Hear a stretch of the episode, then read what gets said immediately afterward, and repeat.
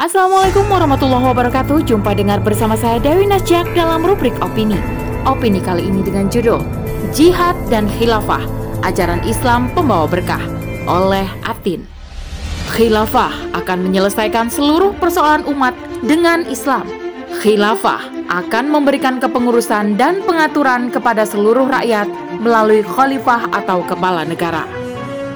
Simak seutuhnya di podcast Narasi Pos Media. Narasi Pos, cerdas dalam literasi media, bijak menangkap peristiwa kunci. Allah Subhanahu wa Ta'ala menciptakan manusia beserta seperangkat aturan kehidupan yang begitu terperinci dan sempurna.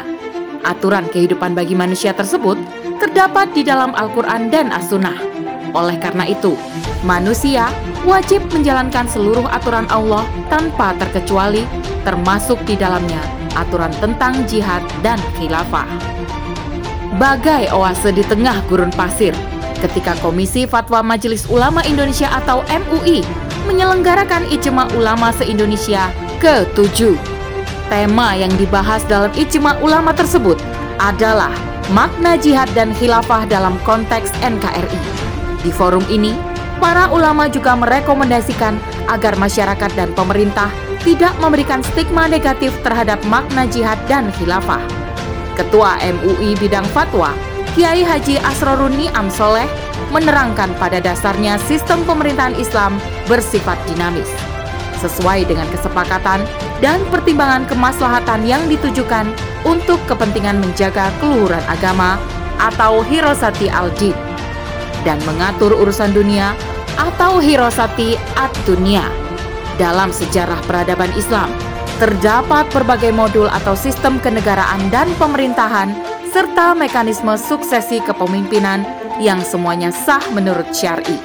Hal itu disampaikan Kiai Asrorun dalam penutupan Ijma Ulama di Jakarta pada Kamis tanggal 11 bulan 11 2021.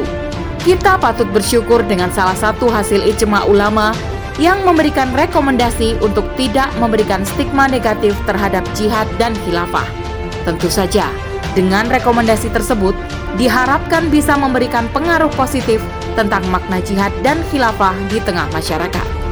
Kata jihad dan khilafah bukan lagi momok atau monster yang menakutkan. Akan tetapi, tidak cukup dengan sebuah rekomendasi dalam memaknai jihad dan khilafah. Mengapa? Karena tidak dimungkiri stigma negatif tentang jihad dan khilafah sudah begitu mengakar dalam benak kaum muslim umat terlanjur fobia dengan dua aturan Islam tersebut. Siapa pun yang mendengar kata jihad dan khilafah langsung menghindar, pergi, bahkan lari menjauh. Jihad dan khilafah bagaikan penyakit menular yang ganas dan mengancam nyawa. Jihad dan khilafah juga selalu dikaitkan dengan isu terorisme, radikalisme, Islam fundamentalis, atau Islam garis keras. Lebih parahnya lagi, orang-orang Islam sendiri yang memberikan stigma demikian.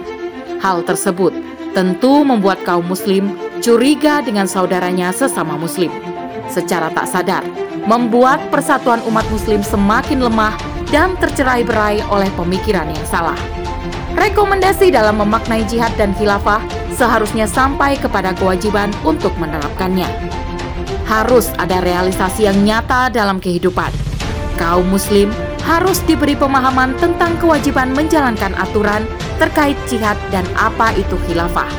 Pemahaman itu sangat penting agar kaum muslim tidak merasa asing dan tidak fobia dengan ajaran Islam. Dengan begitu, kaum muslim akan melaksanakan aturan tersebut tanpa ragu dan tanpa merasa takut. Upaya yang sungguh-sungguh dari kaum muslim akan mampu mengubah kondisi di masyarakat yang sudah sedemikian rusak. Rusaknya masyarakat dengan segala permasalahannya bisa dilihat di seluruh aspek kehidupan. Bagaimana akidah masyarakat bercampur dengan keyakinan yang batil dengan munculnya aliran-aliran Islam yang menyimpang. Bagaimana pergaulan bebas yang semakin tidak terkendali sehingga para remaja terjerat praktik prostitusi, pacaran, hingga praktik aborsi. Belum lagi adanya keinginan dari para pelaku LGBT agar bisa diakui keberadaannya. Permasalahan lain datang dari aspek ekonomi. Kondisi ekonomi rakyat yang terpuruk ditambah utang negara yang semakin bertumpuk menambah daftar panjang persoalan di negeri ini. Persoalan lain datang dari sektor pendidikan yang menyuarakan moderasi Islam, sektor perdagangan yang melonggarkan miras, hingga sumber daya alam yang terus dikuras oleh segelintir orang dan golongan yang serakah. Semua permasalahan yang menimpa negeri ini butuh solusi secepatnya. Keadaannya sudah semakin genting.